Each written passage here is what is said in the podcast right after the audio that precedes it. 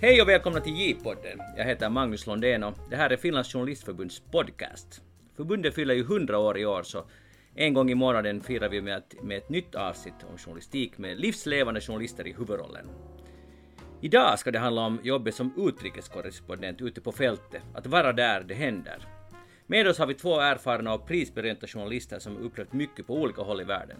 Vi har Tom Kankkonen här, Turkiet och Mellanöstern-expert och vald till Årets journalistår 2016 just för din utrikesrapportering i, i, i Turkiet, Syrien och Irak. Välkommen med. Tack, tack. Hur blev Turkiet ditt fokusområde? Jag var i Turkiet på 80-talet som turist och jag tyckte det var ett jätteintressant ställe. Och sen bodde jag faktiskt i London och hade, hade turkiska bekanta och, och, och faktiskt en, en speciellt god turkisk vän som for tillbaka till Turkiet och sa att varför kommer du inte till Turkiet? Och jag ville, jag ville jobba som frilansare någonstans i den där regionen. Jag hade, hade egyptiska vänner också som sa att kom till Kairo. Jag jag har varit i Kairo och det verkar lite för stökigt. Så jag hamnade i, i Istanbul och, och sen var jag faktiskt där från 1994 till, till 2000. Som frilansare? Som frilansare. Ja. Jag jobbade på, på finska och svenska och sen i slutet också ganska mycket på engelska. Jag, jag, jag har ett sånt vagt minne, jag var lite så inhoppare på Husis utrikesbevakning. Skrev du inte för Husis från Turkiet? Enstaka grejer. Ja, något sånt, ja. Just det. Utmärkt. Sen har vi Antti Kuronen här, Årets journalist 2020. Och det fick du också för din utrikesbevakning. Alla, alla minns säkert dina inslag från Al-Hol i Syrien och du har ju också rapporterat från Ukraina jättemycket och nyligen kom du hem från Afghanistan. Hur kom du in på den här banan? No, det här att jag reser till sådana uh, krisområden och överhuvudtaget utrikesjournalistik, så det, det tror jag nog var något som intresse fanns redan då som ung. Mm. Uh, att jag, jag var ju liksom, jag studerade annat, men sen var jag också lite intresserad av det här journalistyrket. Jag gick några kurser på. Uh, så, så kom och sen det där, sen kommer jag ihåg att det där, mitt första sån här ställe som jag åkte till, så var då när det var Bosnienkriget. Sen jobbade jag också med annat länge, men sen kom jag till YLE då för väldigt länge sedan och så sökte jag mig till det här uh, utrikesgrejen. Mm. Och jag började med det på svenska sidan redan väldigt så aktivt. Och sen flyttade jag till finska sidan. Och jag kan berätta liksom, min bakgrund egentligen nu på YLE sådär att jag har en väldigt speciell roll att, eh, och det börjar på svenska sidan, att vi för jag började resa där ganska mycket, så hittade vi på en sån här hemmakorre, kallades det på svenska sidan. Att eh, korrespondenter är vanligtvis placerade i något land. Men då på svenska sidan blev det så där att jag, jag var liksom placerad i Helsingfors och därifrån reste jag själv. För jag, då började jag redan att jag filmade och klippte själv och kunde åka själv. Och har varit i många länder. Och, och sen, eh, sen på finska sidan så äh, fick de ögonen upp för det här så de öppnade egentligen en sån här tjänst som hade just precis samma profil och då sökte jag den och sen och, och därför har jag liksom på finska sidan så min roll är liksom att uh, resa, att jag är inte fast i de här arbetsturerna hela tiden. Och, jag har speciellt liksom också roll i det här att, uh, att om det behöver åkas snabbt ut någonstans så är jag liksom i beredskap. Okej, okay, så du är beredskap. Och ni, ni är ju alltså som det kom fram båda på YLE finska yle. Så förstår jag rätt, ni sitter också ganska nära varandra så här i vardagen, då när du är Antti är, här i landet? Ja, nu sitter vi, nu har vi ju inte varit så mycket på redaktionen, fast, vi, fast man inte skulle vara på resa så, så sitter man ganska mycket hemma. Men, men den här Antis roll är just det att, att jag kommer ihåg när det här, den här diskussionen uppstod, för jag var där på redaktionen då också, och då, då var det just det problemet att, att folk hade jättesvårt, det hände någonting och det var jättesvårt att få loss folk, för, för folk är så Eh, bundna av, av de här turlistorna, så det var alltid ett jättestrul.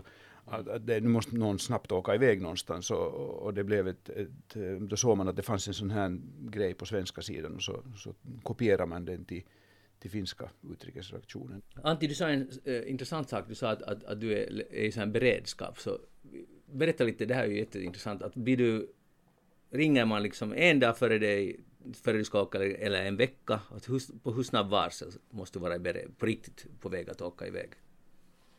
Nu är det alltså de här beredskapsgrejerna så de händer inte så ofta men uh, nu har jag åkt liksom samma dag. Uh, jag har åkt uh, väldigt ofta är det liksom att det någon anledning händer det alltid någonting på kvällen. Så försöker man komma på flyg då nästa förmiddag. Att jag kommer ihåg sådana Eh, gör eh, det är väldigt ofta att man åker liksom följande dag eller samma dag. Och det där. Sen med resande överhuvudtaget och speciellt krisområden, så det, det som egentligen är största liksom, eh, problemet i början när du ska fara någonstans snabbt är liksom att har du alla tillstånd, visum, krävs det sånt. Men då kan man också sträva till att komma till något grannland eller sådär. Men till kan vara just de här, ska man säga så här terrorattacker, till exempel det var i Europa eller något, att det är bara att åka, så då, då liksom man talar också i branschen om, jag har kanske inte helt uppnått det, att man har en här running bag, att du har liksom i princip äh, packat liksom färdigt och så kan du bara liksom fara till flygplatsen och jag har nog aldrig riktigt uppnått den nivån, men, men jag har liksom, å andra sidan har jag gjort det här nu så många gånger, så mycket, så jag har sådär ganska liksom i ryggmärgen sån uh, att hur är liksom att sen, uh, nu måste man fara och sen åker jag hem och sen vet jag hur jag ska packa och sen åker man. Mm, får jag, får jag, får jag fråga att, att um, när det där samtalet kommer, är det ett samtal du vill ha eller är det så att du är rädd för att det kommer det där samtalet? Vet du, vad är det liksom din grundinställning? Aha, för nu nyligen måste du på ganska kort varsel falla till Afghanistan. Ja, alltså nu vill jag ju det alltså så tillvida, ofta kommer de ju sen lite olämpliga sammanhang, att till exempel här så till Afghanistan, det blev sen plötsligt på jättekort varsel och jag skulle åka här med bland annat dig Manu mm. till, till Lappland och vandra, men det blev ingenting av det då. Men det där, uh, nej nu gör man ju det här jobbet liksom för att det, och det är säkert då på svenska YLE också, att det blev liksom, man hade någon sån här grym drive, att, att jag kommer ihåg till exempel att jag började filma själv och klippa själv, så det var, det var verkligen inte något som att det bjöds på det att hej, börja göra det här, utan det var lite mer sån drivat för att komma ut liksom. Man kan ha liksom lugnare perioder, men sen när det kommer så här riktigt stora liksom, nyhetshändelser som jag är involverad i, så då kan det bli uh, lite onödigt mycket resande. Till exempel Ukraina var en sån 2014, man var säkert varannan vecka liksom, att du far, så kommer du hem så vet du igen. Och andra var det här när de här flyktingarna kom till Europa. Men i princip, ja, så är det en... Eh, men ja, det, det går faktiskt väldigt snabbt. Att det kanske överraskar många. Mm. Så, som frilansare var det ju, alltså jag jobbar ju då där i Turkiet som frilansare, då handlade det mer om det att jag, jag skulle själv se att här håller, håller det på att uppstå en situation. Mm. Och, och, då vet jag vilka uppdragsgivare jag har och så räcker det med att jag får en av dem med på det så åker jag iväg. Och, och ett par gånger så gick det, till exempel i samband med, med den här krisen i Kosovo då i slutet av 90-talet, så, så var alla lite så här tja, ja, tja, tja, och så sa en att du kan åka. Och så åkte jag och när jag var där så märkte ju alla plötsligt att oj då, vad bra att du är där. Och då handlade det till exempel om att, och fortfarande har jag faktiskt, mm, jag säger inte var jag bor, men, men som ett minne av den tiden så har jag fortfarande pengar hemma, kontanter. Det är ofta ett problem om du ska iväg till vissa ställen till exempel no, Syrien är ett ställe där ingenting fungerar för det är under, eh, under sanktioner, så du måste ha ganska mycket pengar med dig. Och, och det finns inte några kassor i det här huset där du går och lyfter 5000 euro för att ta med. Så det är vissa sådana praktiska saker som, som man måste också förbereda, vara förberedd på om man vill åka snabbt till något annat ställe någonstans utanför för Europa. Men de ställen jag åker till och har åkt till så är ofta lite så krångliga med visum och sånt här. Men hur funkar det för att för att om du Antti for på nolltid till äh, Afghanistan och äh, du sa själv att du haft visumproblem till, var det Turkiet? Syrien. Syrien. Turkiet behöver jag inget visum till, men jag, jag, jag har en sån situation för tillfället att jag har av, av goda turkiska vänner fått rådet att inte komma till Turkiet. Okay. Och, jag, jag kan... och, du litar på det rådet? Jag. jag litar på det rådet på det sättet att det, det är helt vettiga människor. Det är en, en, en, tidigare kollega som sitter i turkiska parlamentet som sa det åt mig och, och, andra människor också. Och jag vet vad det beror på. Det beror inte på att jag... Vad beror det på? Det, det beror på det att att mitt namn har, har funnits i två förundersökningar. Och, och en förundersökning är lyckligtvis nedlagd för det fanns två gripna människor och jag hade, hade ganska tunga, eh, kände det ganska, kändes ganska tungt för jag misstänkte att jag hade, eh, det var delaktig i det faktum att de blev gripna. Men, men man har nu senare sagt åt mig att det handlar om någonting annat. Men det vet jag inte. Men den är nedlagd så den kanske inte finns i något, eh, i något register eller något sånt. De slår passet in i en, en, en sån här kodläsare när man kommer till flygfältet, men sen finns det en, en aktiv förundersökning där jag är nämnd. Inte som misstänkt, men som, som på något sätt annat, annars involverad. Och då, då har jag fått rådet att jag ska inte åka till Turkiet och jag ska inte ens, helst inte ens åka via, via flygfältet i Istanbul. Och det, det förstås begränsar, Det ganska mycket ja, för det begränsar ganska mycket. Och till exempel Turkiet, Istanbul är en jättebra plats om man vill åka till den där regionen. Så det, det är väldigt bra att byta flyg där. Jag ska sen så småningom säkert bedöma det här och kanske göra ett, ett försök i något skede. Men, men det, där, det kan jag då inte. Det kan jag inte göra. Syrien är det ju helt reguljärt. Du bara ansöker om visum och så får du det eller så får du det inte. Och det har varit ganska krångligt för folk att få visum dit på senaste. Men får jag fråga, hur funkar det att ha journalister någon sorts gräddfil? Alltså om, om i, i, i, i, Verkligen inte. De, de har snarast en, snarast en, det där, en, en, en sämre fil än många andra. Nej, ja, ja, ja, exakt. Att många, det finns ju flera länder dit det skulle vara hur lätt som helst att få ett turistvisum. Ja, absolut. Eh, Jag tror att exempel Marocko är ett sånt land att vi har till exempel inte varit där på tusen år för att det finns säkert kanske ingen orsak, nu så pressande orsak heller, men att i första hand så strävar Yle efter att vi, uh, vi söker liksom de korrekta pappren. Att och också för att vi gör TV och så här, så man är väldigt exponerad så att säga. Men så kan du ha förstås frilans uh, människor som vet du, de ser skriver de någonstans någonting. Senare så till exempel Iran är ett land att det är väldigt lätt att åka dit som turist. Men att åka dit som en journalist uh, med kameror och allt, så då, då måste du ha liksom pressvisum, det är mycket svårare. Så i första hand så strävar vi. Men sen är det liksom hela det här när du talar om krisområden så så det ändrar liksom dag till dag och sen inom landet, till exempel Syrien idag som vet du, flera länder. Att det, det har ju liksom fallit isär. Och det här området som jag nu har varit x antal gånger till just det här nordöstra Syrien, det här så kallade kurdområdet, där de också har varit. Så det är ju som ett eget land. Och dit, dit är det helt andra regler. Och dit, dit är det liksom ganska lätt att komma när du har de där kontakterna och det där att du behöver inte så här formellt, det här var de talar om, så just att om du ska till Damaskus, liksom regeringssidan och söka ett visum. Och, så det, men det, det är liksom, det är en väldigt stor del av det här jobbet, är liksom det här med de här tillstånden. Och, och också det som människor inte tänker på är att om du liksom rör dig i ett konfliktområde, så, så där finns alltid liksom checkpoints, alltså så säkerhetskontroller, där är liksom armén är den som kontrollerar. Och vi hade ju faktiskt en riktigt kort stund hade vi en sån situation i Finland här, när man med coronan satte upp sådana här säkerhetskontroller utanför Nyland. Och det här, det här är liksom det där, alltså om du är ett krisområde så du har alltid liksom sånt, och därför ja, alla de här tillstånden och allt det här, det här är liksom, utan dem så det finns ingen chans att du kan liksom röra dig där. Och, och sen, är det mycket, sen är det mycket godtycke, alltså speciellt till exempel i Syrien i det här regeringskontrollerade området som nu är största delen av landet för tillfället. Så, så det är också det att du, du har någon sorts tillstånd och du har då kommit överens med, uh, vi skulle åka någonstans jag tror att du var med, vi skulle åka någonstans till en, en förort till Damaskus och vi hade tillstånd från informationsministeriet och andra mm andra armén och så, så fanns det en checkpoint som upprätthölls av det syriska flygvapnets underrättelsetjänst som har extremt dåligt rykte. Det är en, en stor operatör och den är ansvarig för, för väldigt grava människorättsförbrytelser. Men någon anledning är det flygvapnets underrättelsetjänst och de hade liksom inte då, visste inte om oss. Och det var jättesvårt att komma dit och så kom vi till det här stället och i det skede, nästa skede var det att det dök upp en arg major eller överstelöjtnant och, och rad, krävde att du raderar allt från kameran om jag kommer rätt ihåg på den där checkpointen. Och sen, eh, sen krävde han till och med när jag hade försökt banda, jag tycker om att göra radio så att jag bandar jättemycket i smyg på sådana ställen. Jag gör inte intervjuer i smyg förstås men att det är jätteroligt material att här är ett sånt ståhej. Men han, han upptäckte till och med det och sa att okej, okay, vad, vad är det här, du måste radera också det här ljudet. Att det är liksom sånt här, du har i princip skaffat alla, alla tillstånd men, men sen i praktiken så, så kan det vara att det, det är någon på den där checkpointen som tycker att, att no, inte idag. Mm.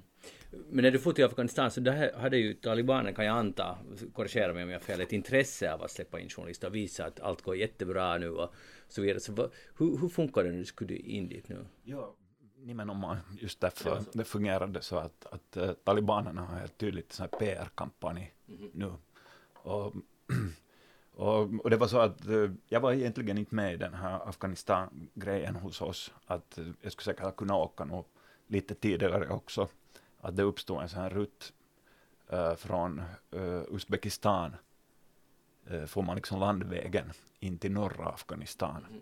Och, och det var den som journalisterna började sen använda. Och, och där var helt enkelt, helt enkelt det att det är ju också sådana situationer som man är med om i de här, att, att hela liksom regimen byts. Så och då är det ju väldigt oklart att uh, ska man ha visum eller inte. Men då talibanerna så har sån här PR-kampanj, de vill just som du sa visa att vi är fredliga och trevliga. Och då kunde man basically bara åka in från Uzbekistan dit. Jaha. Men, eh, men det förstås kräver det att jag hade, uh, vilket är det alltid i de här konfliktsituationerna, att jag hade människor inne i Afghanistan, så kallade fixar, så, det var ett sånt större gäng, som, och de hade liksom kontakter med talibanerna, de hade snackat med talibanerna före att en sån här kille dyker upp. Och vi skulle sen bara liksom jobba med honom. Fast de här människorna jag jobbar med, så de verkligen gillar inte talibanerna, de hatar dem, men ändå. Så, så därför var det helt enkelt möjligt. Mm. Och, Och det är ju intressant det där för att om en regim har fallit så den gamla ambassadören, jag vet inte, har Afghanistan ambassad i Helsingfors, eh, de har i Stockholm. Stockholm. Ja. Så då funkar det ett visum som är utfärdat därifrån av gamla. Alltså hur, ja och nej liksom. Det, det funkar då ja, i ett tid, men det beror ju helt på vad talibanerna vill. Ja.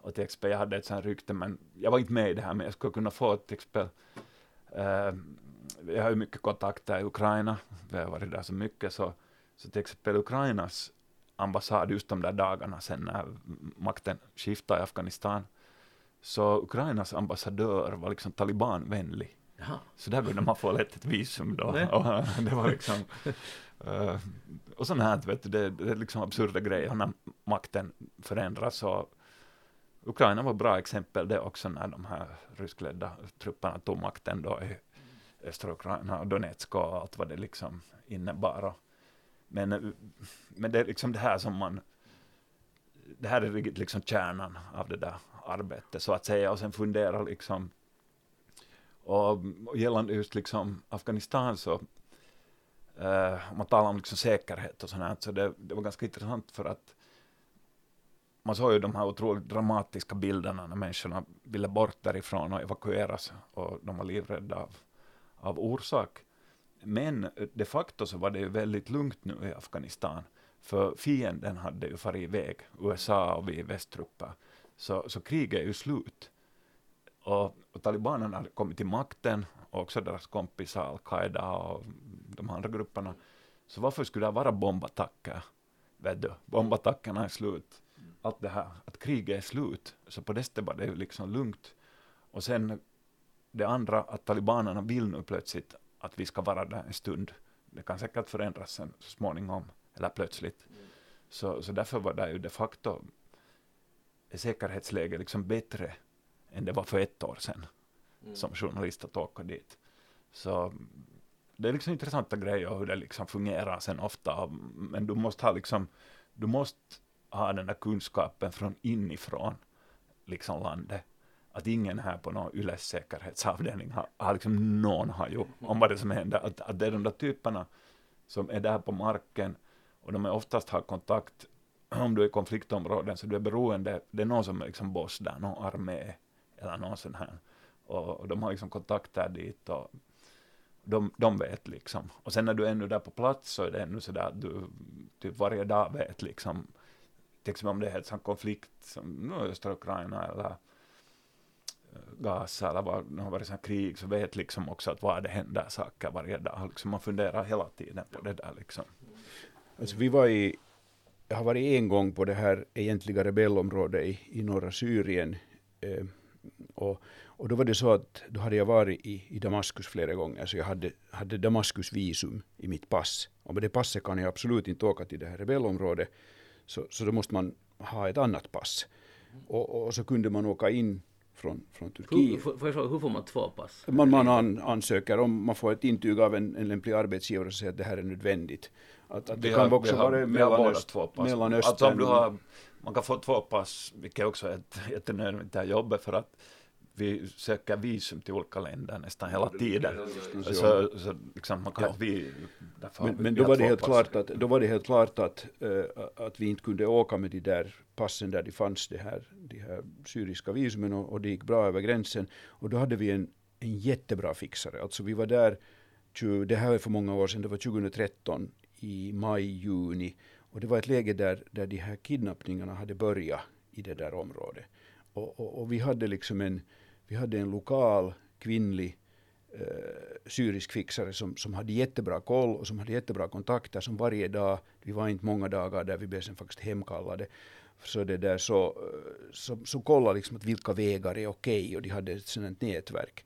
För att medan vi var där så var det så att vi körde norr om en stad som hette Marea, heter Marea fortfarande, och samma tid där körde två fransmän söder om stan. De kom hem tio månader senare. Och, och, och, när vi hörde det här så befann vi oss utanför ett sjukhus och hade just blivit stoppade av, av män i en vit bil, i en paketbil. Lyckligtvis var vi i vår egen bil som vi hade fått i rörelse. Och vi vet inte vad de ville, men, men vår fixare tittade liksom sa titta inte på dem, titta inte på dem. Det är en tjetjen och där är en saudier. Och, och, vad de ville vet vi inte ännu i denna dag för det började komma bilar emot. Och så hade vi samtidigt på hennes inrådan, och därför är fixare så viktiga, vi hade en ensam ung kille från en stor väpnad grupp som då fortfarande var aktiv där. Och då var det henne så, vi ska ha honom i bilen, han behöver inte ens ha ett vapen, bara han kommer från en stor känd väpnad grupp som också de här männen känner till. Och, och han på något sätt var sen ute och redde upp det här läget när vi hade blivit stoppade.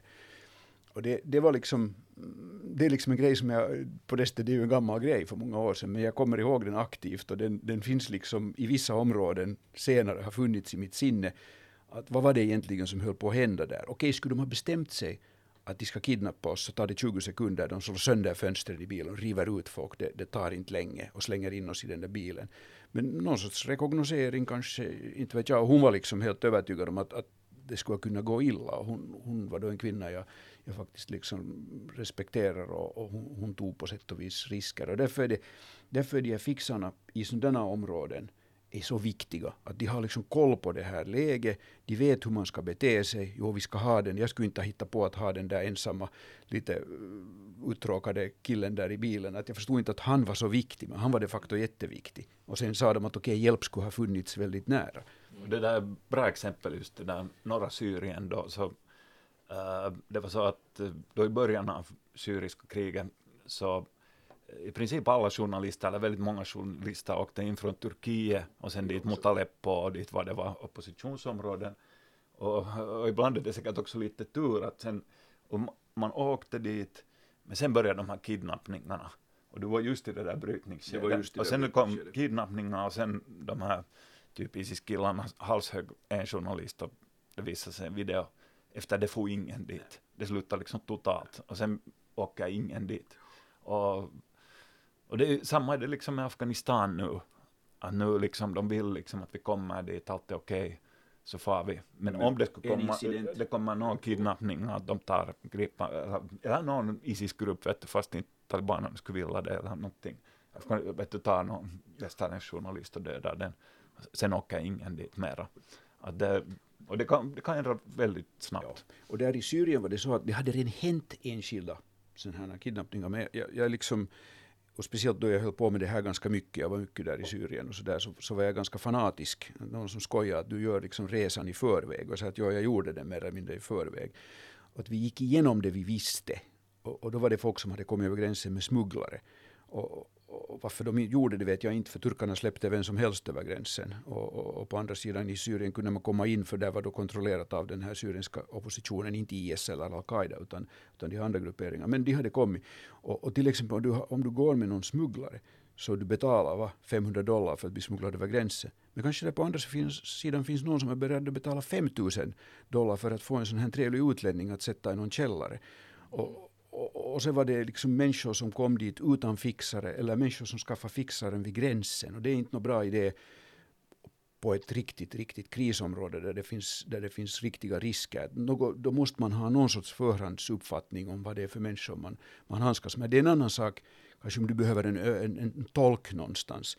så, så det är bra att veta att, att den här kan språket. Men om det är människor som på sätt och vis har en möjlighet att försätta dig i farliga situationer så måste du vara jätte, jättenoggrann. Det gäller för, för, tycker jag, för alla områden av den här typen. Men hur, hur hittar ni de här fixen? För det, jag tycker att alla utrikeskorrespondenter talar just om det här, som ni säger, det här nödvändigheten. Det är en bra, någon som man kan lita på som vet hur allt funkar. Men hur hittar ni dem? Uh, det, det, är ju väldigt så här olika att uh, uh, hur ska man säga att vissa, alltså om vi talar om så här konflikter och krig och så, så på vissa vissa ställen så, så har det ju pågått så länge att det finns ganska så etablerade att det är nästan som en yrkesgrupp. Mm. Frågar ni alltså några kollegor, utrikes, jo, andra kollegor? Ofta, och, och, det är liksom andra medier, eller vi själva har använt, och sen liksom vissa pojkar åker man ju om och om igen till, så då känner man dem. Men att om vi talar om riktigt sådana krigskonfliktområden, så då är det ofta att de, de är också Eh, inte liksom anknutna, men de är liksom på sätt och vis godkända, eller så att de har någon koppling till den där armén eller vem som är där vid makten. Du, för att de får liksom tillstånd och sen får man åka runt. Men sen, sen liksom, bara ett bra exempel att då till exempel, jag började åka dit till Donetsk och eh, det här kriget som Ryssland då initierade. Uh, före det började liksom att de, de hade mer så här provokationer och demonstrationer. Och, och det var ju ett område som absolut ingen media någonsin hade varit intresserad av. Mm. Så där finns ju absolut ingen sån här yrkesgrupp.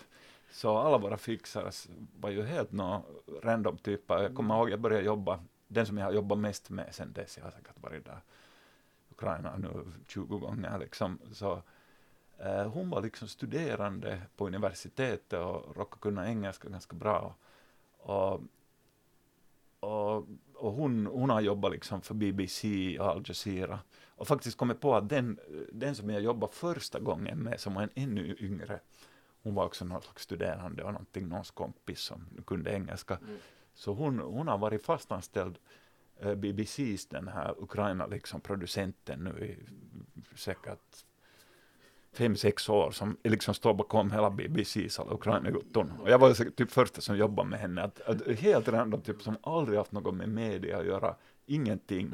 Att det är bara den där stunden i historien som gör att de plötsligt dras in i det här och sen blir det deras ja. karriärer. Och, och, och, och sen finns det ju en hierarki.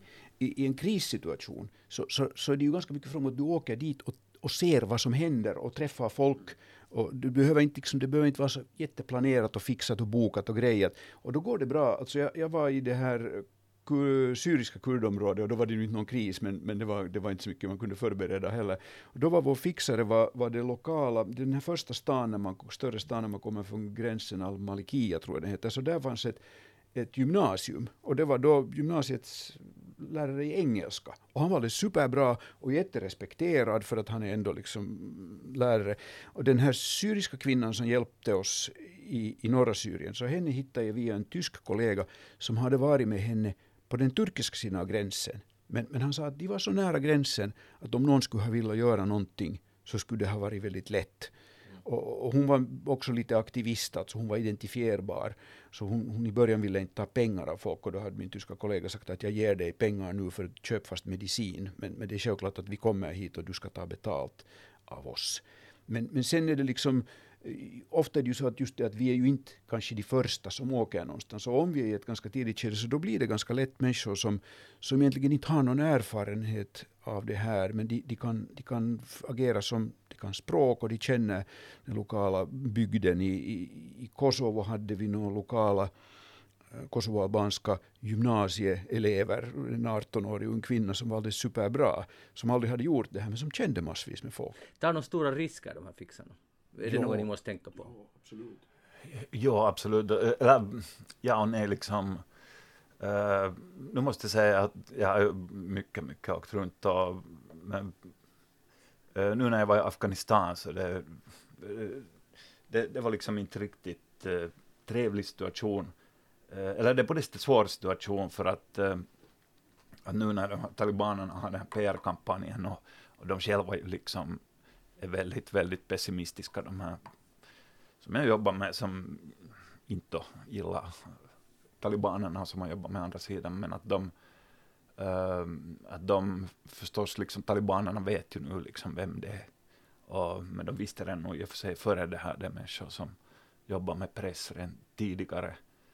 Uh, så, så ja, det, det var liksom till exempel uh, besvärlig situation och uh, i, i den mån det var, nu var möjligt så försökte vi försökte nu kanske göra sådana saker som nu absolut inte på något sätt provocerar talibanerna just, just liksom med tanke på de här lokala personernas säkerhet. Men, men det, det är absolut något man måste liksom tänka på sådär. Och, uh, Håller ni kontakt med dem efteråt när ni inte är där? Liksom?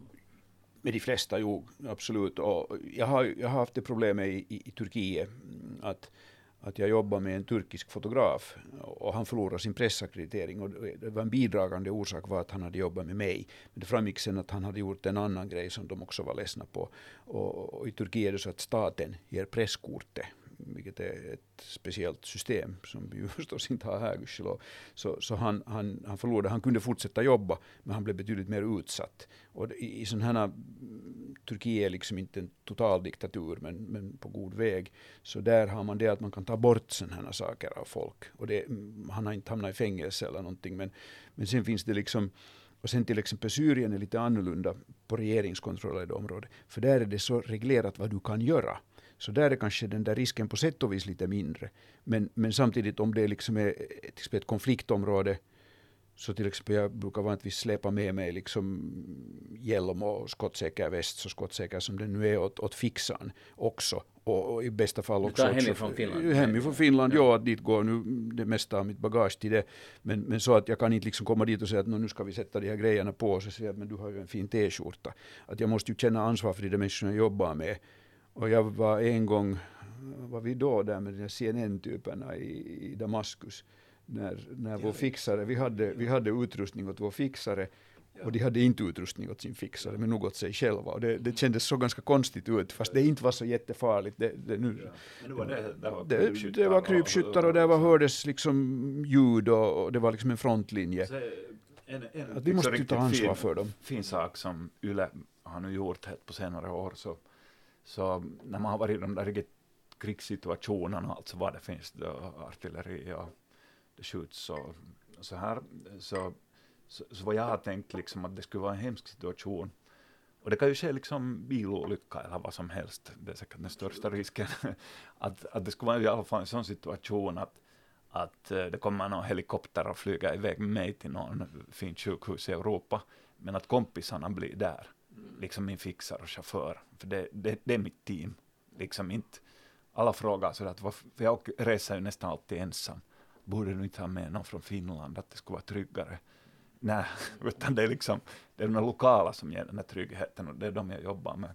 Men här nu för några år sedan så, så Yle har liksom att eh, borde vi har inte lyckligtvis behöva testa det i praktiken, men liksom också fixar och chaufför, alla som liksom då just jobbar för oss fast det inte finns något fint arbetskontrakt. Så de, de är liksom också inbegripna av de här våra försäkringar. Mm.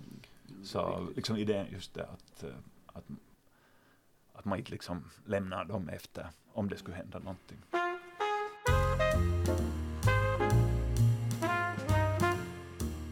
Vi talar om civilbefolkningen. Ni, ni är ändå superberoende, inte bara av fixarna utan också att, för att få information om eh, göra intervjuer antingen med kamera eller utan kamera, utan eller med mikrofon och så vidare. Men hur skyddar man det? För att oftast är ni, är ni, ni har båda varit i områden där det pågår en konflikt och oftast är civilbefolkningen som är lider och om de uttalar sig om någonting så kan det liksom slå tillbaka mot dem väldigt hårt. Och det här är ni förstås medvetna om. Och jag såg bara Antti när du var i Afghanistan så talade du om vad folket så att säga tycker. Men i alla fall de inslag jag såg så intervjuade du, du inte några kvinnor som berättar hur hemskt det är. Och det förstår jag att du inte gjorde. Men hur, hur löste ni det där? Hur, hur mycket liksom kan ni sätta er på riktigt in i vad som händer efter att ni har stuckit där och någon får, makthavaren får nys om att den och den har uttalat sig om det, det och det? Det är begränsat alltså. Jag råkar ut för det och, och, och, och det eh, råkade ut för det att jag gjorde en dokumentär i Turkiet för några år sedan. Och, och två personer blev gripna efter att dokumentären hade, hade visats i Finland på grund av att eh, de var förknippade med en sån här Gülenrörelse som är en av världens motståndare. Och den där rörelsen spred den här dokumentären, lite sån här bootleg, alltså den fanns överallt. Och det tvingade myndigheterna att ingripa. Och, och, vi försökte nu analysera vad som hade hänt, men, men sen kom det ett besked att de hade blivit angivna, troligtvis av någon i sin egen närkrets. Men, men i Turkiet har jag varit med om det här ett par gånger. Och, och då, hade, då hade en gång hänt för många, många år sedan så att, att vi, vi följ, vi var, de följde efter oss no, no, och vi märkte inte, vilket var ju klopperi från vår sida. Men, men det, var, det var ganska krångligt som gjort. Och då, men då ingriper de alltid, då har de liksom en sån, ett sånt eh, sätt att de ingriper, de låter mig komma hit och göra den här intervjun med er, ni är nog oliktänkande i Turkiet. Och så tar de fast oss alla där vid dörren, för att de, de vet då får de bevismaterialet och så ser de samtidigt att det här materialet aldrig kommer att publiceras. Vilket det inte var i det här fallet, så det tydde på att de hade inte följt efter oss. Men, men det här är liksom ett, ett, det är ett jättedilemma och nu när det gäller Turkiet så, så försöker jag, och de här var helt anonymiserade de här människorna för sig. Och ändå blev de, någon, någon, du sa att någon angav det? var det med misstanken var att de var angivna. Och det är, alltså det är ju Turkiet, det är en polisstat, många av de här vad det är sådana konflikter, så de, deras polis och deras säkerhetsapparatur har helt andra uppgifter än här i Finland. Mm. Så att, att, eh, du är inte liksom nödvändigtvis anonym när du rör dig där. Nej. Liksom, och många länder, till exempel Iran eller någonting, så du, varje hus finns det någon som anger liksom att du, okej okay, det kommer en utländsk bil dit och någon utländsk jappe och någon ser en kamera så ringer de till polisen att du det, jo, det, det, det, här liksom var uppenbar, men det här, det här hade uppenbarligen ja. inte hänt i den där situationen. Nej, för nej, att det tog två månader innan det, det, innan det kom ut och det här, ja. innan den situationen uppstod. För att skulle jag ha följt ja. efter oss så skulle det ha just varit ja. det att de, de griper oss vid dörren och får materialet och får bevismaterialet och, och, och, vi får ingenting. Men det där och, och sen efter det har jag liksom, äh, och de här människorna var ganska bra medvetna om riskerna. Men, men jag har någon gång för många år sedan i Turkiet, i det här kurdområdet, har jag på gatan intervjuat människor och jag märker att nu finns det poliser här runt civilklädda. Så jag har sagt att nu ska ni gå härifrån omedelbart, bums, försvinn. Jag vill inte fortsätta den här intervjun. För att, för att de som är någon vanlig random människa på gatan kan inte kanske bedöma det här, fast i och för sig i kurdområdet har de mycket erfarenhet. Men om det är mera den här, sen blir det ett jättedilemma om det är mera den här aktivist eller, eller någon människa som är väldigt engagerad och vill bli intervjuad. Va, vad ska jag säga åt den här människan? Det är inte, det är inte säkert för dig. Men jag, jag vill jo, bli intervjuad. Det, det, är liksom, jag skulle säga att det här är liksom äh, säkert nu för tiden. Och när man håller på länge med det här, så det här, det här är säkert den liksom största frågan man liksom tampas med. Ja, Just det här liksom att, att uh, jag vill inte liksom riskera någon människa. Exakt. Uh, bara för att och inte det bara för att vi gör en jotto eller en dokumentär eller någonting, liksom för att uh, det kommer ändå inte liksom att avsluta det där kriget. Men uh, de här människorna vill ju tala och sådär. Mm. Och det där yttersta ansvaret liksom på det sättet ligger nog hos oss. Och, och, och det, det är några liksom, just som Tom, liksom, vi har ju hållit på med det här nu i många år och talat om det här, att det är liksom några uh, intressanta aspekter, till exempel det att förr i tiden var det ju lite sådär att okay, att man visas på finska TV-nyheterna, så det är ganska osannolikt att någon i Turkiet någon, någon ambassad kanske Iran kan eller Syrien eller whatever liksom vet att vad som där liksom har visats. Men till exempel äh, internet har ju förändrat det, att alla har tillgång till det. Och sen är det ju ofta så där att vi har ju i Finland liksom folk från alla länder. Och de kan liksom ange sen, vet du, sådana som stöder, liksom, att man kan inte heller vara så där säker, bara för att det är bara sen på finska i Finland, att, eh, att ingen kommer att märka det. Och sen, och sen den andra liksom, uh, viktiga aspekten, till expertställe som är ju på sätt och vis totalt ofarligt, men som jag inte har velat åka till och göra jutton är Krim, som Ryssland då har uh, ockuperat och som de har liksom införlivat i sig själva, och där finns alla ryska säkerhetstjänsterna att, att jag tror liksom att om, om jag far till Krim och, liksom, och skulle då söka upp sådana här eh, aktivister eller någonting, och fast jag skulle ha dem hur anonymt, så vet de att jag har träffat dem. Eller det finns en stor risk för det. Så, så jag kan inte liksom åka dit och göra den journalistiken utan att riskera de där människornas mm. äh, säkerhet. Så känner jag. Och därför har jag liksom valt att, att inte åka dit. Det, att, att det, här, det, det, är liksom, det är jättesvårt. Och här, och det här dilemmat har ju spritt sig till det att du ringer till någon i Damaskus eller du, du ringer till någon till och med i sydöstra Turkiet. Så, så för det första är det ju möjligt att den här människan är, är, är på något sätt elektroniskt bevakad. Och, och sen är det det att när det här har kommit ut så börjar de då försöka identifiera den här, här personen om den säger någonting. Och de är ganska, de är ganska småaktiga. Ja, men man skulle kunna tänka sig det just att i Finland, att vad, vad gör nu det? Men, men det finns människor som följer med saker och det finns människor som, som sysslar med, med liksom olika typer av, av angiveri. Och, och, och jag menar, de, de syris... konflikterna finns ju liksom i Finland också, ja, att ofta det, det, finns från båda sidor. Och, och syrierna har till exempel blivit mer sofistikerade på det sättet att, att ryssarna har varit där och sagt att nu ska ni liksom börja följa med de här typerna. Och, och, och så de, vis, de vet de vet var man har varit. Alltså det märkte jag i ett skede här när jag, jag fick ett nej på ett visum. Så sa de att, att vi vet var du har varit. Och då betydde det att jag har varit på sådana ställen i Syrien där de inte vill att jag ska vara. Men sen gav de nog ett visum senare. Men nu, nu, nu fick vi inte när vi senast sökte av någon. Och vi vet inte varför. Men det här blir ju också ett, eller det vet ni förstås, men det blir ju ett journalistiskt problem också. Det är inte bara det viktigaste att skydda civilbefolkningen, men det begränsar ju också vad ni... Absolut. Det material så, ni kan Så som jag sa, ja, att det är ett jättedilemma. Eller gör det? No, ja, till exempel gällande krim så är det liksom ett problem. Jag, jag åkte nu, jag gjorde lite krimgrejer och det var ett sånt stort krimmöte så jag får till Kiev och där finns mycket folk från Krim i exil och, och så här att man kan gå runt det och, och nu, sträv, nu kan man göra liksom grejer om de flesta exempel i Afghanistan så gjorde jag nu, jag har inte gjort ut den här grejen ännu men uh, jag träffade en sån här uh, man som försöker alla försöker för övrigt komma bort därifrån som ens har haft någonting att göra med västerlänningar, men han hade då eh, haft ganska mycket med de här finländarna att göra. Där i Mazar-i Sharif och eh, han hade inte jobbat för dem, men, men i alla fall haft mycket med dem att göra. Ville berätta sin story och, och det, det har jag gjort i vissa länder, till exempel då filmade jag honom anonymt och han kom liksom till det där stället där jag bodde och sen vet du, filmade vi det att vi träffades inte på offentligt ställe och så här. Mm. Att, ofta är det liksom något sådant arrangemang då, om du verkligen försöker skydda en person.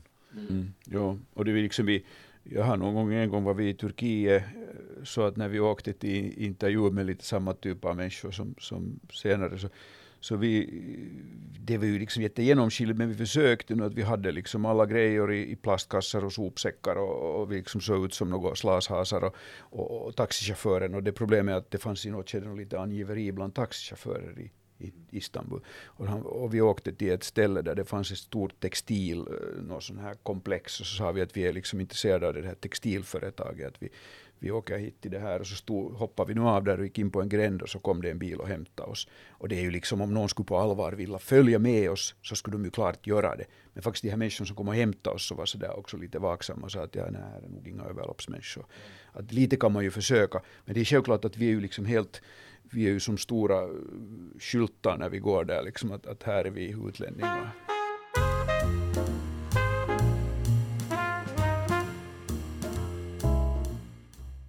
Hurdana människor tror, tror ni att blir sådana som ni? Alltså, ni har ju träffat otaliga kollegor. Är de... Eh, ja, hurdana är de? Speedade, vill ha action i livet eller är, de, är det helt fel klichébild? Hurdana är den här yrkesgruppen? No, ja, bra fråga faktiskt. Kanske det finns lite två grupper. Det finns säkert de här lite, de här thrill seekers typs, uh, eh, frilanstyperna som Uh, för det är också om det är liksom sån här konflikt då så, så, så det finns ju väldigt olika saker du kan göra där liksom att hur försiktig du är liksom eller hur nära elden du går så att säga. Och, så det, det finns säkert den här lite adrenalintyperna. Men de är, är, är de är, nej absolut inte. Det, det är liksom de är frilansers i princip alltid. För vi, vi, som, vi jobbar ju för YLE, liksom, alltså på engelska säger liksom networks. Så vi har ju väldigt hög sån här liksom säkerhetsnivå. Eh, uh, att, att det liksom för mig, det liksom, det, eh, det är ju helt katastrof om det skulle hända något.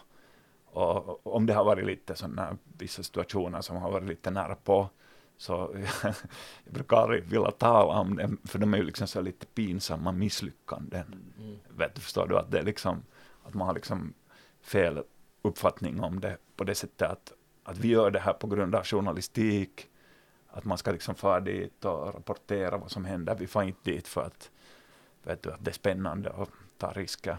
Att, att vi, vi gör allt vi nog kan liksom för att trygga säkerheten. Sen kan det förstås plötsligt uppstå situationer som Men- är riskabla. Vänta, så, så, när, så när ni far eh, ut, så ni är inte så där nervösa för det känns osäkert? För ni vet att ni har ett system och etablerade liksom rutiner eller? No, ja, liksom, nu, nu kan det ju gå och sen förändras. Jag, jag skulle säga att min kanske risknivå har liksom, eller att jag är liksom mer försiktig nu än jag var då i början.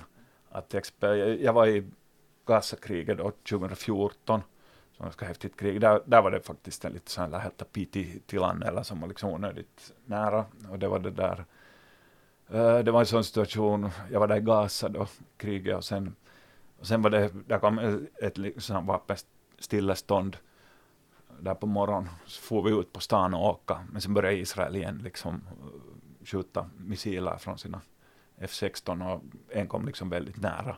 Och det kom bara så här plötsligt liksom. Och i alla fall så nu var jag där i juni, så var det igen Gaza-krig.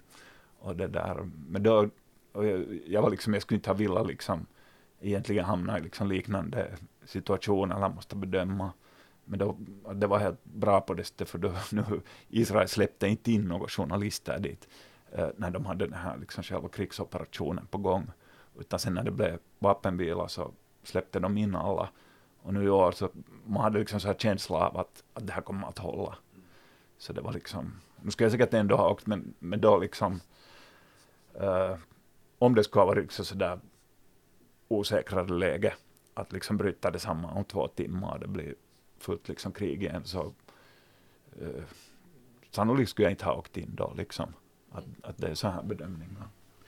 som, och som frilansare är det ju helt annorlunda. Alltså då, då, är du, då är du väldigt långt ansvarig för, för dina egna bedömningar. Och jag menar, jag var där i Turkiet och, och var ganska mycket i Irak och, och sådär. Och, och då var det mer så här att vi hade liksom ett sånt kollegialt nätverk där vi lite diskuterade och funderade. Vad som- Journalister då? Journalister, ja. Mm.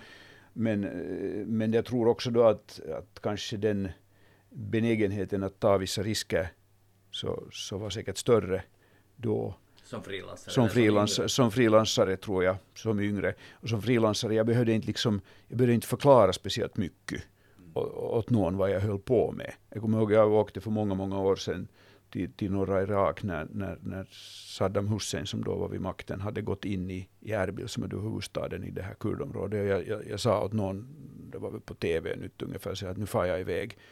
Så den människan sa att det kan det inte vara lite farligt det där. Nej, nej, inte tror jag det är något problem här inte. Så, så var, det var ju inte fråga om att ha några hjälmar och, hjälmar och andra grejer med. Men det är klart, sen gick det helt okej och det var inte något problem. Men det görs, här görs det ju ganska mycket bedömningar innan man... Vem bedömer? Här i huset finns det ju liksom en, ofta en här snabb bedömning. Jag och Yle har faktiskt lite utvecklat det här att helt på senare år att ska vi nu säga för fem år sedan så, eller så här, så åkte det var nu, vi åkte nu bara och så här, eh, plus att jag skulle säga att det är ändå liksom vi själva och som har varit i de där ställena som har kontakt med dem, vi är de enda som, som kan göra den där bedömningen. Det är man själv liksom som måste göra den där bedömningen, att ingen liksom här från Finland kan göra den här bedömningen för dig. Men uh, Yle har liksom nog börjat satsa på den här säkerheten på ett annat sätt, att man, vi har liksom före resan så, så ska, hålls det så här säkerhetsmöte och man ska förklara liksom sin plan och, och mycket noggrannare att hur man rapporterar liksom var man finns och, och så har Yle också satsat på sådana här uh, försäkringar och sånt här, att vi är med i sådana här internationella system just som också vissa firmor har vet att om du blir kidnappad så kan de ge sig en och, och, så, så det finns en del här. Plus sen finns det också som man nog kan rekommendera eh, det finns ett så här europeiskt uh, utbildnings, alltså kursgrej som heter HEST, som är en sån här säkerhetsträning för journalister. Uh, speciellt sådana som, om man inte har någonsin varit med om sånt här, så är den där utbildningen helt bra.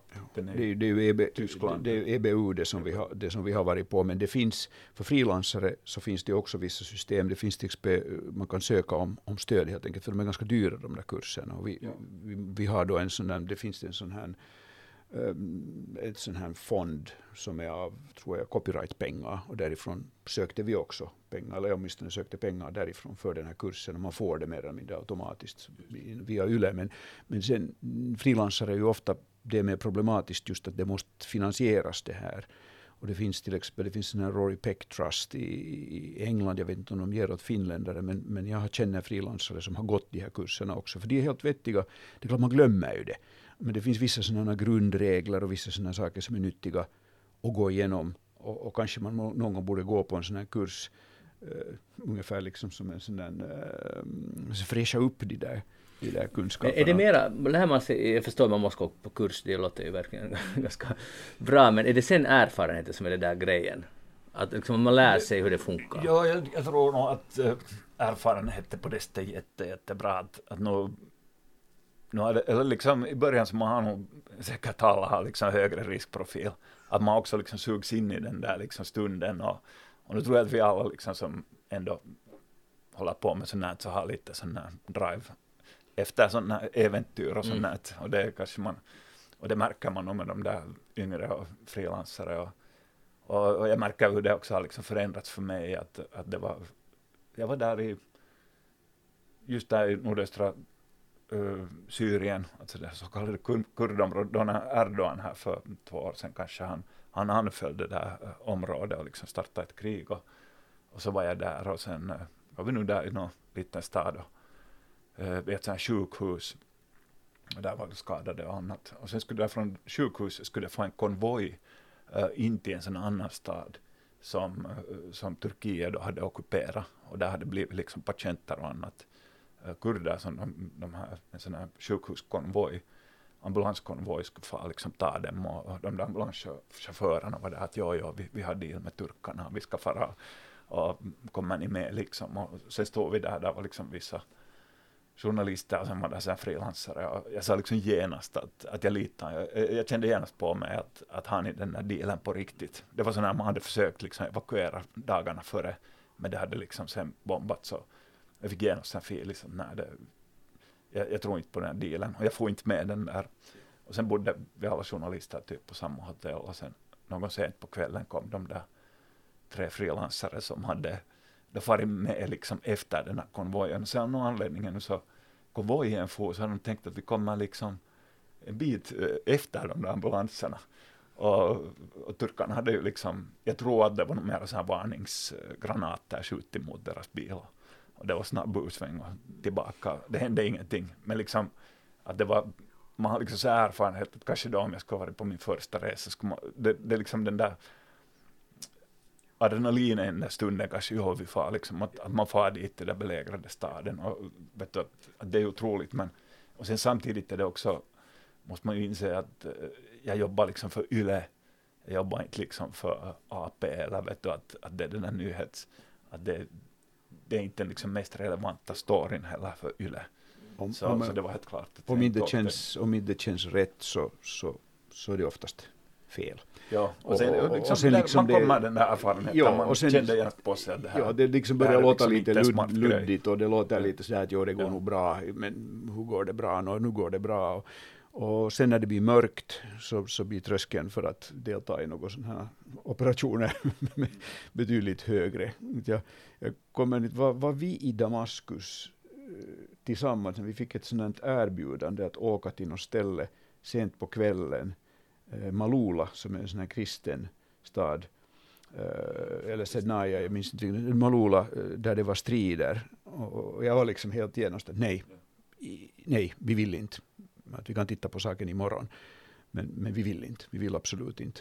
Och då, då liksom det att vi skulle irra omkring dit med någon privat bil till någon stad där det kanske då pågår några strider. Och vem, har, vem har det koordinerats med? Ja, okej, syriska armén, fast jag inte tycker om syriska armén. Så med dem skulle jag kanske kunna liksom tänka mig att fara dit till och med. Mm, Fast det är som tanke motbjudande. Men att fara sådär som privat, åka iväg någonstans när det är mörkt.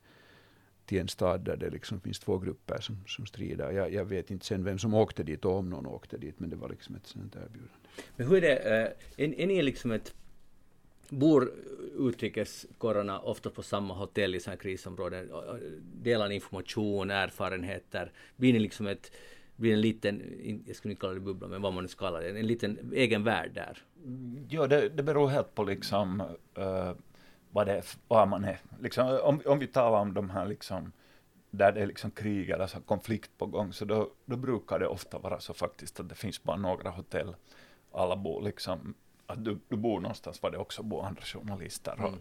och, men ser du då är varandra som konkurrenter eller ni är i samma båt? Nej, vi är nog på samma lag och, och sen man ju från olika länder och sådär. Så, så verkligen där finns liksom sådana teamwork. Och, men, men sen i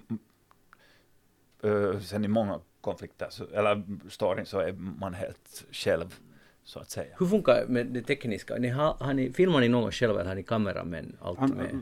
Antti filmar ju alltid själv. Ja. Ja, jag, jag är i princip alltid liksom ensam. Och, så, uh, ja, jag filmar själv och klipper sen, liksom, om jag gör så inslag då på datorn. Och sen skickar vi det över internet. Och det har ju förändrats helt på senare år otroligt mycket och att det har blivit mycket lättare nu på det, det här jobbet. Att till och med Afghanistan så köpte Afghanistans bästa simkort för 50 dollar. Och, och det, det var ju liksom jättebra. Alltså, och, sen, och sen nu, här, ska vi senaste två åren så gör vi också om man gör de här live-rapporterna då när man liksom man ser oss och liksom vi talar till kameran och det är live. Så vi har ju bara en vanlig mobiltelefon som vi filmar liksom på ett stativ som filmar oss själva. Och så har vi simkort och det kommer över internet live. Mm. Så där i Afghanistan just nu så, så har det ett sånt simkort. Och du kan liksom skicka, skicka eh, då ett inslag som du editerar och så här, du har filmat intervjuat folk och så det tar kanske tio minuter över internet att få det till Klipper Men, du det färdigt hela inslaget eller gör de det? Ja, allt, allt liksom färdigt och sen mm. skickar jag det hit och ofta är det bråttom, det går rakt sen ut i sändning. Nå, hur är det med sminket då? Så ni ser fräscha och bra ut från fronten. ja, verkligen. Nej, alltså det, det, så, det, som, alltså det finns några bra saker med det här, att vara så, så att säga lite på sådana här krisområden och rapportera. Att ena är det att man behöver aldrig le. För det mm. passar liksom inte riktigt in i bilden, så man kan se lite så grumpy ut. Ja. Och andra, det är helt okej okay om man ser ganska så shabby ut. Så, mm. så smink är inte, inte, inte så viktigt där. Men ja, nej, och vi är nog verkligen så där, vi kommer som vi är liksom att, att det här i, här i huset om man går i någon diskussion så, så sminkar man sig själv för tillfället. Eh, ja, men det, covid, det, det, covid, ja. Det, det är ju bara för att, man inte, att inte näsan ska, ska lysa. Hur, hur är det där, uh, varför gör ni det här? Alltså jag förstår att det är ett jobb och alla måste earn a living, men ni har, finns det annan orsak?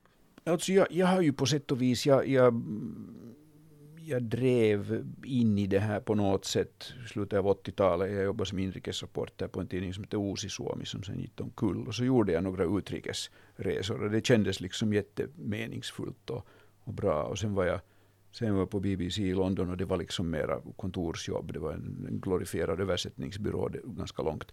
Men, men då märkte jag liksom att, att det här är ju fantastiskt för det fanns så mycket människor från, från olika ställen. Jag blev faktiskt uppriktigt intresserad av Mellanöstern och Turkiet. Och, och, och det var ett intresse, intresse som var liksom jättepersonligt. Och, och, och samtidigt så, så jag tycker om rapportering jag tycker om gammalmodig journalistik på det sättet att man ungefär åker till ett ställe och ser lite vad som, vad som, vad som, se vad som händer. Man försöker träffa människor bakom, bakom de här händelserna. Jag tycker inte så hemskt mycket om att vi ställer oss framför äh, människor, intervjuobjekt eller vanliga människor. Att vi, det är mycket roligare att ha de där människorna än att ha experter och talesmän och allt möjligt. Och det är också viktigt att när jag tittar på en rapport som från Afghanistan, så, så mycket mer givande för mig är det att jag kan liksom på något plan identifiera mig. De, de människorna är från väldigt olika förhållanden och har en väldigt olika bakgrund, men det är ändå människor som har ganska vanliga liv, som i grunden jag också har. Medan, medan den här politikern eller den där spokespersonen är, är liksom, den säger nu vad den säger. Och därför är liksom den här utrikesrapporteringen från plats så jätteviktig. Alltså, jag skulle säga för mig så, alltså en grej är nog liksom att nu är det ju från unga åren sådana liksom samhälleligt intresse. Och också intresse för det här liksom att resa, vad som händer i andra länder. Och min farsa liksom beställde alltid på National Geographic och han, han visade jotton från något Kongo och någonting. Så det var ju jättefascinerande. Att säkert, säkert finns det lite, både det här lite upptäcktsresa, eller fanns då i tiderna liksom när man började, men, men, men också det här liksom samhälleliga engagemanget och intresse liksom. Att, eh, och sen, sen när jag blev journalist sen senare så, så var det helt klart att det är det här man ska hålla på med. Och, och, och man reste ju då också fast man inte var journalist liksom, försökte åka långt bort och så här att, att, att, det skulle jag säga att det är inte uh, men säkert är det nog också lite som, en, jag, jag har ju också varit sen reporter, var jag här i, i Finland och, och också politisk reporter i riksdagen och, och jag märkte också när jag var i Finland så Uh, alltså jag har väldigt svårt liksom att hänga här i böle eller vid en dator. Att det var också en inrikesrapport, jag tyckte det var jättefascinerande. Man fick fara och titta på någon väderstation eller, mm. eller att du fick ens åka till riksdagen eller liksom någonting, åka någonstans och se någonting istället för att bara sitta vid en dator. Att, att nu tror jag att sådana saker är de här, för, de här första liksom inrikesjobben, alltså jag har ju också varit inrikesreporter på det sättet mera somrar och sådant för många, många år sedan. Så, så nu var det ju poängen att, att åka iväg och träffa människor som är berörda av någonting eller som har någonting att berätta eller liksom de gör någonting spännande eller, eller det här är liksom intressant. Här är, jag kommer ihåg att jag jobbade på Västra Nyland alldeles i början av min, min, äh, min bana som journalist. Och liksom, det var jättespännande. Vi fick åka ut någonstans i Ekenäs skärgård där de höll på att dök till något vrak. Och det var lite sådana äventyr över det hela. Och sen var det helt triviala grejer, liksom, somliga tycka. Men att få åka liksom till någon by där skolan skulle stängas eller något sånt. Och det kändes liksom jätteviktigt att här får jag träffa de här människorna och de har liksom en story och de har liksom en grej som de vill berätta åt mig och jag får berätta den. Precis, och det där nyfiken, sunda nyfikenheten, att man ser med egna ögon. Absolut. Har, har ni några tips för, det finns säkert någon som lyssnar på det här nu, en ung journalist som tycker att det där låter coolt och det där, jag har samma intressen. Har ni några goda råd? Hur, hur, hur, blir man bra på det här och vad ska man tänka på? det finns säkert olika metoder, men, men liksom, jag tror att, jag menar jag, är, jag fyller snart 62 och jag är kanske inte så jättelänge med, och, men, men om man är på väg in i den där branschen så tror jag på det sättet den där antisväg är rätt. Att du ska kunna filma, om du ska jobba för, för TV, ska du kunna filma själv och, och editera själv. Och, och, och själv tycker jag liksom att min, för mig var vägen mera det att jag lärde mig vissa språk, och jag kan turkiska till exempel som är ganska exotiskt. Jag har liksom en specialitet och det klarar jag mig ganska länge på egentligen framåt och jag specialiserade mig på vissa grejer och blev kanske lite inom stationstecken så expert som man nu kan bli som journalist. Och, och det, det, drev en, en, under den tid jag har varit journalist så var det en sak som, som drev mig framåt och som var nyttigt för mig. Jag, jag vet inte om det är nyttigt i framtiden, för jag vet inte hur journalistiken kommer att utvecklas. Jag har lite onda aningar om att, att kanske det inte är så nyttigt att vara specialiserad på någonting. Men att kunna språk kan ju aldrig vara Kunna språk är ja, men liksom det att, att, att du är Mellanöstern, Balkan, någonting, mm. eh, Sydamerika, Afrika. Det finns en risk att det inte är så nyttigt som, som det har varit för mig under min journalistbana. Men, i framtiden, men språk är, är självklart, det, det är viktigt. Och sen de här tekniska kunskaperna tror jag kommer att, att bli viktigare också. Ja, jag, jag tror nog att liksom, alltså det finns på sätt och vis mer en massa möjligheter att, äh, att säkert liksom hitta någon sån här egen grej. Och, och, det finns ju också många av de här som är frilansjournalister, de, de jobbar också, finska människor finns det som jobbar på engelska liksom ute i världen och så här liksom att du, du liksom på något sätt hittar din egen grej. Och sen, och sen det andra som jag tycker nog i och för sig är viktigt att Eh, för mig så det är inte något självändamål heller, att det ska vara liksom konfliktzon eller jättesvårt eller människorna där ska, att, att jag tycker alla storyn är jätteintressanta och jag skulle gärna åka liksom i Finland och göra utrikesjutton, liksom, eller att, att du, du behöver inte liksom åka till till, till Afghanistan liksom för att det ska vara coolt. Du kan åka till Estland och liksom åka lite ut från Tallinn liksom att så det är nog bara att dona det. Men, men säkert om man vill liksom klara sig i någon slags journalistik i framtiden så, så kan man säkert inte räkna med det här att man får en sån här fast anställning och, och så här utan att, att det, det är att hitta någon sån här egen nisch och eget sätt att jobba på.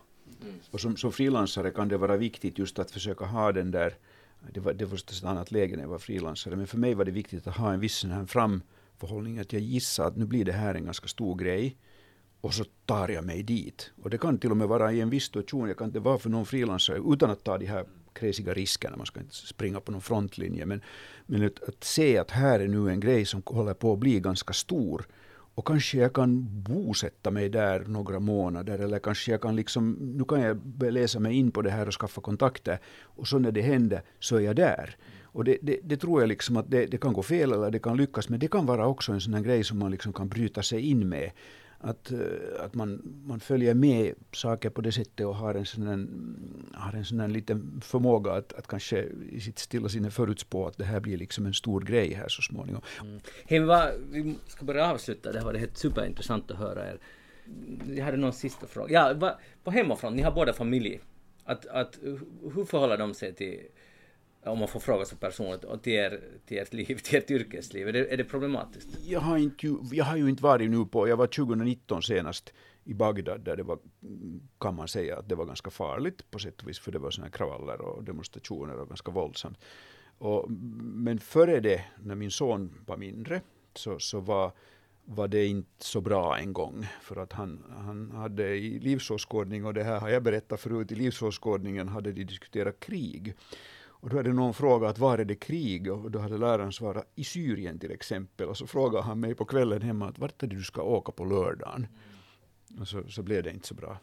Men det där.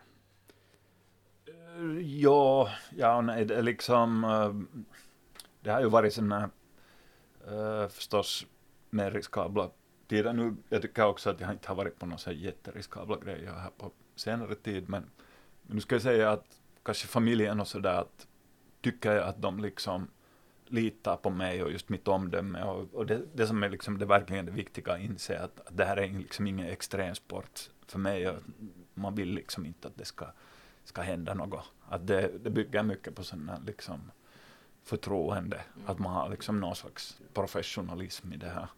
Det Sen är ju det förstås alltid lite tråkigt att man på ett dygn kanske försvinner och borta en tid. Så sånt kan ju vara lite jobbigt. Jag, jag tror att sådär allmänt taget är det viktigt att de kan lita på att uh, det inte är någon extremsport och sen måste man själv kunna lita på att de inte sitter där hemma och är jätte, jättebekymrade. Mm. För det skulle liksom bli jättetungt. Och då skulle det liksom vara så att kan jag nu göra det här?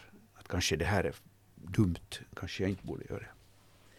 Utmärkt! Det här med dessa kloka ord tackar vi Tom Kankkonen, tack för att du var med här. Antti Kuronen, tack för att ni jobbar både på finska YLE som korrespondenter av olika slag. Jag heter Magnus Lundén och uh, vi kommer att återkomma igen om en månad med en ny podd och, finns det ett tema som du tycker att vi borde ta upp eller finns det journalister som du skulle vilja höra uttala sig eller bli intervjuade i J-podden så hör av dig till oss med tips per e-post på jpodden journalistelito.fi.